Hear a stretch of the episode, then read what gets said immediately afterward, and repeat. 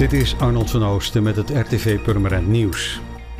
De plannen voor een ondergrondse parkeergarage aan de voorzijde van het stadhuis zijn in een stroomversnelling terechtgekomen. Door de werkzaamheden aan het bestemmingsplan parallel te laten lopen met het aanbestedingstraject en de herinrichting van het Stadhuisplein ligt het ontwerpvaststellingsplan nu al ter inzage. In een brief aan de gemeenteraad laat verantwoordelijk wethouder Tijmstra weten dat vanaf deze week omwonenden en belanghebbenden gedurende zes weken eventuele bezwaren tegen het plan in een zogeheten zienswijze naar voren kunnen brengen. Burgemeesters Karen Heerschop van de Beemster en Don Bijl tekenden afgelopen woensdag een samenwerkingovereenkomst met Mark Jansen van Meldmisdaad Anoniem. De twee gemeenten ontvangen vanaf nu signalen over criminaliteit en fraude.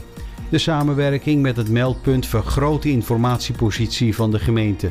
Door samen te werken blijven we scherp op signalen van criminaliteit en fraude, aldus de Beemsterse burgemeester. De Purmerendse burgemeester vult aan: We werken binnen de regio al goed samen aan de aanpak van ondermijning. Door aan te sluiten bij het landelijke meldpunt kunnen we nu nog beter en sneller optreden. Wethouder Eveline Tijmstra is vanaf gisteren samen met stadshistoricus Gerard Wegman op zoek gegaan naar Purmerendse verhalen. Welke monumenten er in de stad te vinden zijn en wat het verhaal achter een pand is. De vlogs zijn te zien op het gemeentelijke YouTube-kanaal.